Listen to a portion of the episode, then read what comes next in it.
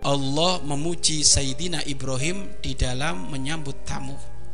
Bikaulihi dengan firman Allah hal ataka? Sudahkah sampai kepadamu Muhammad?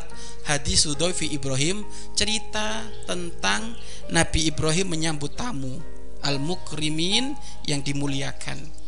Muhammad apakah sudah datang kepadamu cerita tentang Ibrahim di dalam memuliakan tamu Nabi Ibrahim itu di dalam memuliakan tamu itu pol-polan. Ya sampai Nabi Ibrahim itu berkata aku nggak mau makan kecuali bersama tamu. Jadi kalau sudah sama tamu itu masya Allah Nabi Ibrahim ini. Wa ikramuhum wa ikramuhum Nabi Ibrahim memuliakan tamu annahu sesungguhnya Nabi Ibrahim khadamahum binafsihi memuliakan tamu dengan sendirinya.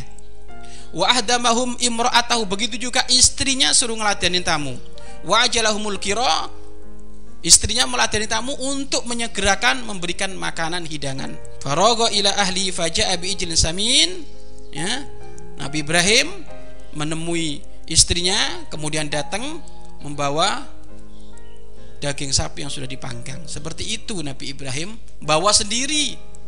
Ya, bawa sendiri. Jadi kalau memuliakan tamu total Nabi Ibrahim.